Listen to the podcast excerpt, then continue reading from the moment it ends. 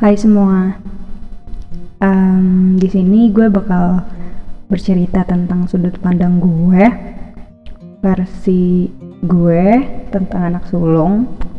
Ya semoga bermanfaat buat kalian, enggak sih? Um, semoga kalian bisa mendengarkan dengan baik. Um, selamat mendengarkan. Anak sulung.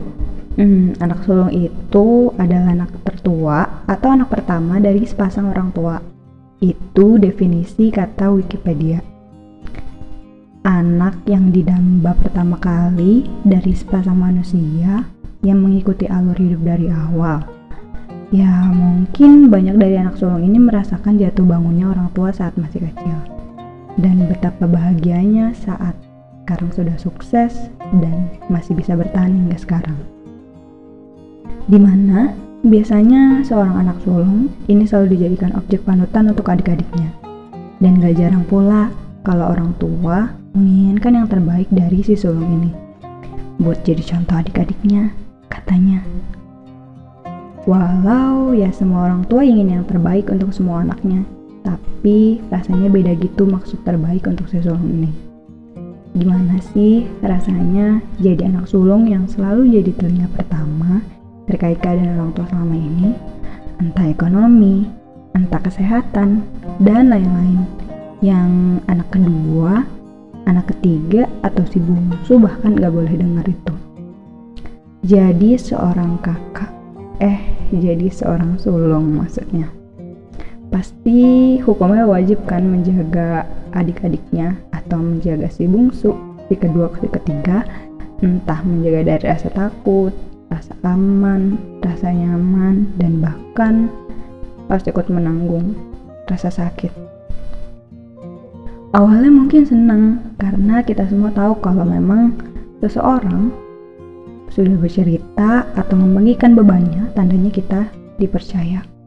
Tapi terkadang beban tersebut menjadi sebuah keterpaksaan karena kita dipaksa untuk mengerti.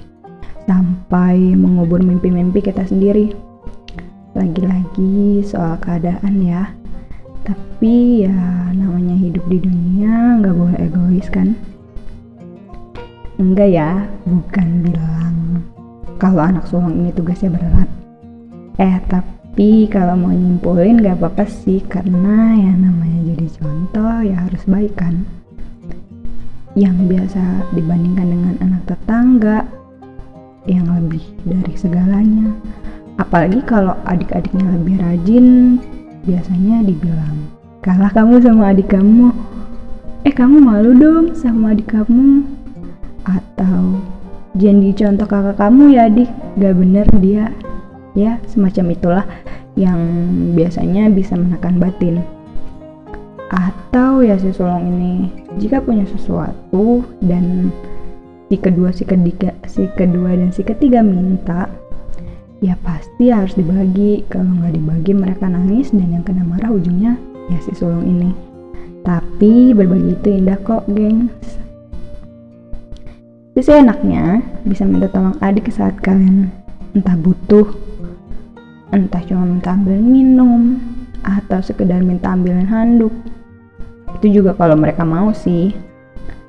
Soal ribut sama si kedua si ketiga, itu jadi hal wajar. Namanya juga masih kecil. Tapi nantinya ada kok waktunya bisa saling support dalam banyak hal dan lain-lain. Hmm, terakhir, pesan untuk si sulung di mana pun kalian, semangat ya, tetap menjadi kuat.